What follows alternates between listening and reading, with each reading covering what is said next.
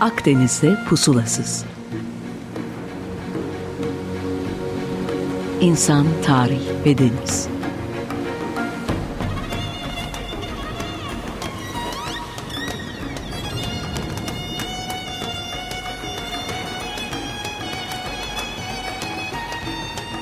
Hazırlayan ve sunan Sidar Duman.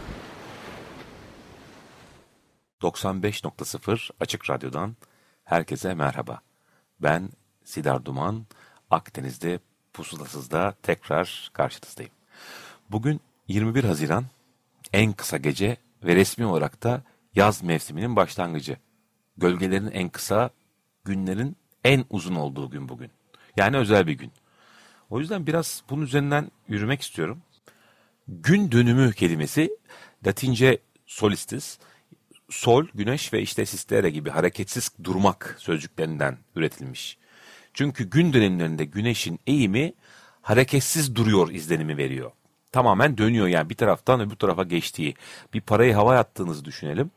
Paranın yer çekiminin e, etkisine kapılıp geri dönmeye başladığı bir an var. Orada havada kalıyor. İşte o gün dönemleri de bu. Bir anlamda güneş açısından baktığımızda. Bizim açımızdan güneşe baktığınızda. Gün dönümü denince benim aklıma ilk olarak astronomi geliyor. Sanki mağara günlerimizden beri en çok etkilendiğimiz şey gökyüzü gibi. Hiçbir yıldızın adını bilmesek de aysız bir gecede göğe saatlerce bakabiliriz. Fakat bu göğe bakma uğraşı hangi motivasyonla sistematik olarak çalışmaya başlandı acaba? Bence Akdenizli ilk denizcilerimizle başladı. Çünkü yön tayini yapamayan denizcileri yutmaya hazır bekleyen ve köşe taşları olmayan bir Akdeniz var. Ya o kadar kritik bir süreç ki bu denizde yön tayini. Mesela dalgalara hükmedip de dünya denizlerinde boy gösteren İngiliz donanmasını ele alalım. 18. yüzyılın ortalarında navigasyon hataları yüzünden bütün bir donanmasını karaya oturtturmak suretiyle yok etmiş, kaybetmiş. İlk denizcilerden, hadi milattan önce 2000 diyelim, bu 18. yüzyıla kadar insanlar göksel seyir yaparak e, yelken açıp işte bugünlere geldiler. Arada çok da bir fark yok yani. Bu yaklaşık 4000 sene benzer yöntemlerle seyir yaptık. Bugün ise cep telefonunuzu açıp saniyeler içinde konumunuzu tespit edebiliyorsunuz. Peki bu süreç nasıl gelişti? İsterseniz ona biraz bakmaya çalışalım. Tabi ana akım bir anlatım var. Ee, oradan belki başlamak daha doğru. Ardından da güzel bir yapı söküm yaparak Akdeniz'de puslasız gezmeye genelde yaptığımız gibi devam ederiz. Şimdi Batı medeniyeti modern bilimin temellerini antik Yunan'a dayandırıyor ve M.Ö. 6. yüzyıl doğa filozoflarına daha özel söylersek. Birkaç bin yıl kadar sürmüş bu e, bilimin başlamasından itibaren ve erken Hristiyanlık döneminde de çökerek son bulmuş. Greco-Romen şehirler yerle bir olmuş ve Batı için yine onların tabiriyle söylüyorum karanlık çağlar başlamış. Devamında yine antik Yunan'dan esinlenen Rönesans ve Reform hareketleri ile çok şükür bilimin e, tekrar da doğumuna tanıklık ediyoruz. Kopernik de 1540'larda güneş merkezli dünya teorisini ortaya koyarken kendisinden yaklaşık 2000 yıl e, önceki antik Yunan astronomlarının eserlerini okuyordu. Genel geçer tez bu. Sebebi de milliyetçiliğin geliştiği 19. yüzyılda Batı'nın kendisine bir kuruluş miti üretme ihtiyacı. Ve her kuruluş miti gibi Batı medeniyetinin parlattığı bu hikayede tam doğru olmayabilir diyerek birkaç soru sormak istiyorum. Şimdi antik Yunan bahsi geçen bilimleri icat mı etmiştir? Yani öncesi yok mudur bu bilimlerin? Diğer soru, antik Yunan dendiği halde niçin adı geçen antik kentlerin hepsi günümüz Anadolu'sundadır? Bu bir rastlantı mıdır? Ve son sorum, antik Yunan'da bilimin üretildiği şehirler tarumar olur ve işte bin yıllık bir karanlık çağlar yaşanır. E peki nasıl olmuş da Kopernik'te Batı medeniyetine kadar bu bilgiler gelmeyi başarıyor? Ya bu süreç içinde bu bilgiler nerede muhafaza ediliyor? Şimdi bu sorulara cevap ararken her zaman yaptığımız gibi yine biraz geriye saralım ve başlayalım. E, denizcilikle başladı demiştik bu sürece. Bizim fikrimiz yani astral navigasyon yapmak için e, Akdeniz'de bu başat unsur e, göksel seyir. Özellikle gece seyirlerinde kendilerine gökyüzünde sabit duran bir yıldız arayarak başlamış olabilirler. Yani ben bugün e, antik teknelerle seyir yaparken bunu hissediyorum. Ancak şöyle düşünelim. Çıplak gözle gözlemlenebilen yaklaşık işte 5000 kadar e, bir yıldız var ve bunların hepsi hareket halinde. Bütün gece boyunca görebiliyorsunuz. İçlerinden sadece bir tanesi sabit ve bize yön gösterebilecek duruma haiz. Şimdi nasıl oldu da onu bulabildiler? İşte benim aklım bunu almıyor. Bu bir rastlantı değil. Yani teorik olarak o 5000 yıldızın hepsinin hareketlerini gözlemleyip o kıpırdamayan bir taneyi bulmuş olmaları gerekiyor. Bir soru olarak şöyle kalsın. Ee, bu bir süreç esasında bilim ve ben şöyle işlediğini düşünüyorum. Baktığımızda Akdenizci ilk denizcilerimiz onu antik Mezopotamya ve Levant'tan ve Mısır'dan alıp Küçük Asya yani Anadolu'muza getiriyorlar. Buradan Atina'ya geçiyor. Buradan da Büyük İskender'in peşinden kurulan Helenistik İskenderiye'ye, tabi durmuyor bilim ve bilgi, oradan Kraliyet Roma'sına, oradan Bizans'ın İstanbul'una, işte oradan Fatimilerin Mısır'ına, oradan İspanya'ya, Cordoba ve Toledo'ya, oradan da Batı'nın işte ilk üretebildiği üniversiteleri kurmak için Palermo'ya ve Oxford'a doğru ilerliyor. Bu bir silsile. Şimdi Anadolu'da Yunanlılar ya da Yunanca konuşan Anadolulular bu desek, felsefe ve bilim arasında bir ayrım yapmıyorlar. Yani Öklid'in bir geometrinin temel öğeleri diye tam hatırlayamıyorum belki bir kitabı var, klasik bir kitap. Neredeyse 2000 yıl boyunca e, konusunu da dünyada okutulan ana ders kitabı. Milattan önce 3. yüzyılda işte Aristakros güneş sisteminin merkezinin dünya değil güneş olduğunu e, teorisini geliştiriyor. Bir başka Yunanlı Eratosthenes diyor ki dünyanın çevresi ve çapının e, hesabı şudur ve doğru çıkıyor. Batı biliminin aynı sonuca varması için daha 2000 yıl geçmesi gerekecek. Yani dünyanın yuvarlak olduğunu e, Avrupa tarihinden okursanız eğer henüz Kolomb bile bu gerçeği sadece ispatlamaya çalışıyor. Yani kimse emin değil. Ve daha sonra artık ispatlanıyor. Halbuki milattan önce 600'lerde e, dünyanın yuvarlak olduğu gün gibi aşikar. Yani Fenikeliler Afrika'nın etrafını dolaşıp geliyorlar. İngiltere'ye kalay almaya gidiyorlar. Yani bu konu bence gündem dışı. Şimdi Mısırlılar ve Babililer astronomide çok büyük ilerlemeler kaydetmişler. Fakat Yunanların da haklarını yemeyelim. Çünkü bu Babillerin ve Mısırlıların çalışmaları genelde gözleme dayalı e, ve güneş sistemi hakkında bu sorulabilecek soruları ve yelpazeyi genişleten ve matematiği de astronomiye bence katanlar Yunanlılar. E, demin anlattığımız gibi yani bu bir silsile. Biri birinden üstün veya kötü demek değil de birlikte takip ederek bir bayrak yarışı gibi bence düşünmek lazım. O yüzden modern e, tarihte e, sadece reform, rönesans ya da batı bilimi olarak böyle teleskopla bakmak yerine daha holistik, daha bütüncül bir bakış öneriyorum. Teori bu. Şimdi bu gelişmeler dizgesinde Küçük Asya'nın Millet kenti çok çok önemli bir yer tutuyor. Bugün de Millet'e gidip tiyatrosunda oturup az sonra sizinle paylaşacağım hikayeleri böyle gözünüzün önüne getirebilirsiniz. Büyük Menderes Nehri'nin hemen yanında Akdeniz'deki en önemli limanlardan biri olan bu Millet'i gezmeden önce de yine vaktiniz o kalırsa e, Priene antik kentini de bir dolaşın. Tepede kurulmuş olan bu kent sadece işte Helenistik mimari özellikleri değil, manzarası ile de çok büyüleyici. Yani Büyük Menderes'in suladığı bu çok verimli ovaya yukarıdan bakıyorsunuz ve bir zamanlar bir liman kenti olan milletin ne kadar içeride kaldığını ve limanını kaybettiğini çok net bir şekilde görüyorsunuz. Ya bu limanların e, nehirler tarafından doldurulması çokça örneği var ama yani coğrafi olarak bu kadar net gördüğünüz bir yer var mı ben tam çıkartamayacağım. Tabii dönemin en denizci insanlarıyla olanlar milletler. Şans değil yani buradan çok büyük gelişmelerin çıkmış olması. Bu hemşerilerimiz milattan önce 8. 8. yüzyılda sadece Karadeniz'de 30 kadar koloni kurmayı başarmışlar. Ayrıca Nil deltasında, Doğu Akdeniz'de daha nice yerlerde. Ve bu koloni hareketi onlara sadece ticaretle birlikte artı değer üretmekte kalmıyor. E, kadim Mısır ve Levant medeniyetleriyle tanışma fırsatı, oradaki bilgileri de belki alma fırsatı buluyor. Herodot o da vatandaşımız biliyorsunuz der ki güneş saati bu güneş saatinin çok daha gelişmiş bir versiyonu Gnomon'la kullanılan versiyonu 12'lik e, saat dilimleri Yunan kültürüne Babil'den gelmiştir. Ekinoks ve gün doğumu belirlenmesi de bu cihazlar sayesinde olmuştur. Şimdi sizin aklıma gelen birkaç detayı paylaşmak istiyorum. Bu Yunanca yıldız kelimesi aster.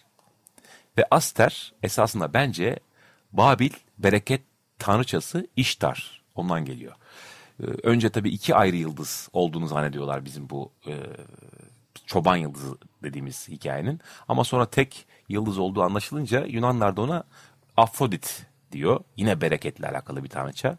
Ve Roma'da da bu gezegen adı olarak Venüs'e dönüşüyor biliyorsunuz.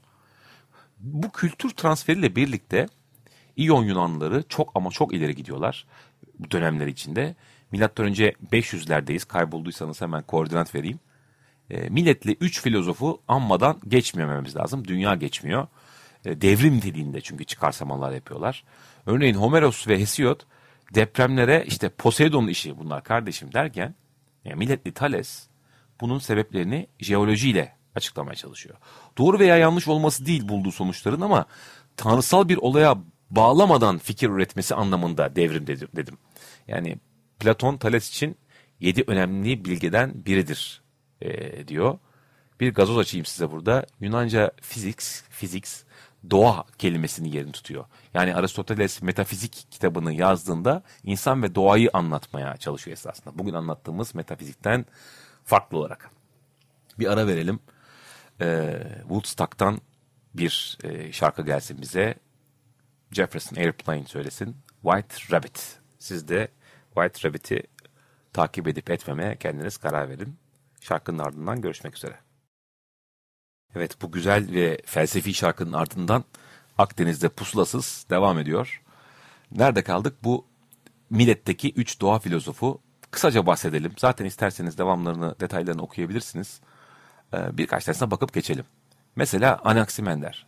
İnsanların başka canlılardan türediğine, yani evrime dair bir önermeler zinciri var.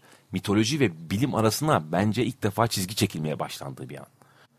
Tabi sadece millet değil belki de 12 İyon kenti e, demek lazım bu devrimleri yapan coğrafi koordinatlar olarak. Çünkü aynı dönemde Samos'ta Pitagoras var. İşte Mısır'a çok gidip geldiğini biliyoruz. Orada eğitim almış. O yüzden de böyle bir sayı mistisizmi de var onda. Xenofon var ve diyor ki Xenofon mesela Afrika'ya gittim. Tanrılarını basık burunlu ve siyahi. Trakya'ya gittim. Onların tanrılarında sarışın ve mavi gözlü olduğunu buldum. Acaba diyor yani insanlar bu tanrıları kendi suretlerine bakarak mı yaratıyorlar? Yani bence bu sorgulama yeteneğine ki kutsalları sorgulamaya ve o dönemde e, şapka çıkarmamız lazım. E, bu Elealı Zeno var. Elea'da Tiran denizinde kurulmuş bir Foça kolonisi. Ha, evet yani bizim İzmir Foça'nın kolonisi. Hatta burada bir duralım. E, bir gün Marsilya limanında gezerken burayı kuran Foçalılardır diye bir oyma taştan bir büyük e, yapı gördük. Sonra araştırınca gördük ki hakikaten bizim Foçalılar Akdeniz'de yelken yaparak kalkmış Marsilya'ya gitmiş. Ve daha bir sürü sayısız koloniyi de bunlar kurmuşlar. Tabi sadece gidip orada yine ticaretten bahsetmeyelim ama tüm kültürlerini yani üzümü, felsefeyi bile buralara taşımışlar. E, biz de 360 derece tarih araştırma derneği olarak e, Foçalıların bu teknelerine binip Marsilya'ya e, gitmelerini canlandırmak istedik. Ve bir dönem teknesi inşa ederek tabii ki pusulasız ya sadece yelken ve kürekle Foça'dan Marsilya'ya tam 54 günde gittik. Yani biraz yorucu bir şey ama e, deneysel arkeoloji böyle işte işimize gelirse. İlgilenenler 360 e, derece TAD tad yazarak Instagram'dan o fotoğrafları falan görebilirler. Bence ilginç. Ha ne diyorduk? Elealı Zeno, ya muhtemelen hatırlarsanız bu zatı muhteremi. Çünkü bu şimşek kadar hızlı kahraman Akileus ile kaplumbağanın yarışını anlattığı bir e, paradoksu vardır. Akileus tabi biraz geriden başlıyor bu paradoksa göre ve hipotetik varsayımsal olarak da asla kaplumbağayı geçemiyor. Çünkü kısalan intervallerle yaklaşıyor fakat kaplumbağa durmadığı için onu asla yakalayıp geçemiyor. Ve bu yarış sonsuza kadar sürerek gidiyor. Şimdi bu ve bu tür ürettiği paradokslara matematiksel cevapları daha 19. yüzyılda e, bilim adamları verebiliyorlar biliyor musunuz? O kadar uzun süre devam eden e, paradokslar yaratmayı başarmış. Tabi bilim yolculuğuna devam ediyor. Silsile sürüyor ve İyon okulu gücünü kaybediyor. Topraklarımızdan çıkıyor. Anaksagoras dönemin meşhur bilim adamı Çanakkale'ye kaçarak canını zor kurtarıyor bağnazlıktan. Ee, ve doğudan alınan ve güçlendirilen bilimin mum ışığı bu dönemden sonra Atina'yı aydınlatmaya başlıyor. Ee, Perikles zamanında Atina'dayız şu anda ve kuruluş mitlerinde bile aklı öne çıkaran bir toplum bence Atinalılar. Şehrin ana kültü olmak için bu Athena ve Poseidon iki tanrı yarışıyorlar. Tanrı ve tanrıça. Hikayeye göre işte Poseidon ya atı ya da işte bilmiyorum bir pınarı, tuzlu su pınarını yaratıyor. Athena ise zeytin ağacını. Tabii halk hemen Athena'yı seçiyor ana tanrıçılar olarak. Ama bence burada yine alegorik bir hikaye var. Ağaçtan ziyade burada Athena aklı temsil ettiği için sanki o toplum akla önem vermiş gibi hissediyorum ben. Çünkü Athena savaşta bile akıl gücünü temsil eder. Muhtemelen de dönemin Akdeniz'inde bu özgür düşünceye en önem veren kent Atina ve tabi Sokrates'in de burada doğması rastlantı olmasa gerek. Gerçi bu Sokrates de o kadar ileri düşünceli ki Atinalılar bu adama dayanamıyorlar ve onu yargılayarak intihar etmeye zorluyorlar. Vaktiniz varsa, ilginiz çekerse bu mahkeme tutanakların var. Yani Sokrates'in kendini savunduğu metin var. Çok ilginç. Şimdi peşinden tabii öğrencisi Platon da akademiyi kuruyor ve bu Sokratik gelenek e, devam ediyor. E, aynı dönemde mesela Koslu Hipokrat var. Çok uzatabiliriz ama e, devam edelim.